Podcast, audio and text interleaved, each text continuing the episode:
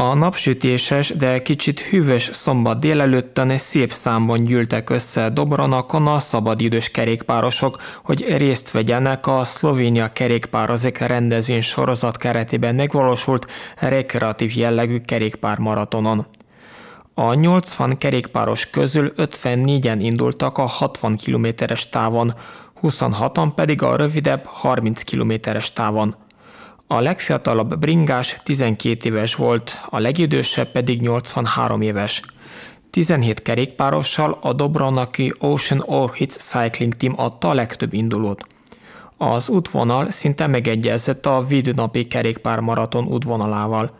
Dobronak mellett még többek között Renkóci, Maraszke Toplice, Pártosfalva és Kobilje településeken keresztül haladt át a mezőny.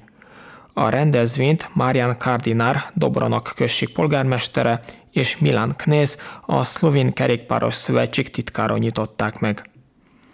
Utóbbi ismertette, hogy idén hivatalosan a 20. Szlovénia kerékpározik rendezvény sorozatra került sor, amelynek keretében előzetesen 46 eseményt terveztek.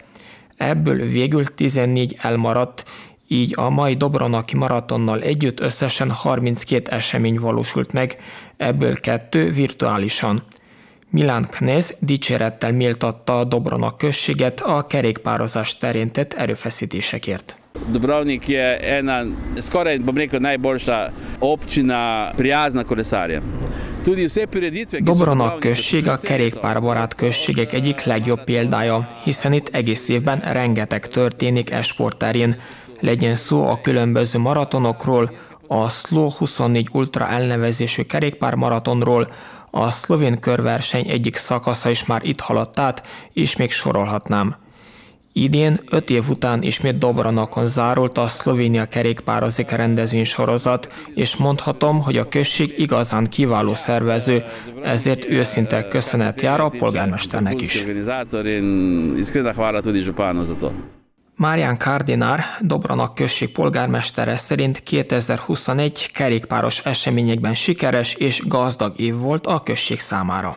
Ja, res je, torej govorimo o letu 2021, ki je v Dobrovniku zaznamovan sigurno kolesarsko. Eh, a 2021-es évet Dobronakon tényleg a kerékpározás, de persze az új koronavírus is jellemezte. Ennek ellenére kitartottunk, és a számos egyéb projekt mellett, amelyek zajlanak nálunk, nem adtuk fel. A kerékpározás községünkben a fejlesztési történet része, így a turizmusban, de más téren is.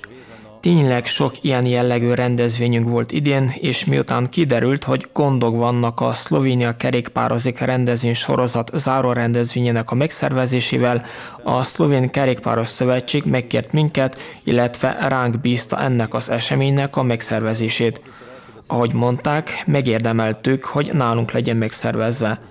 Minden oldalról jönnek a gratulációk, hogy voltunk olyan bátrak vállalni a szervezést, hogy sikerült elég önkéntes szereznünk, és a pályát biztonságosá tenni.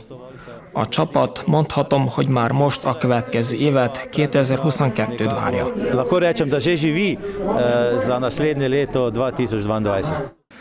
A mai rekreatív jellegű kerékpár maratonon résztvevők éremben, pólóban és ebédben részesültek.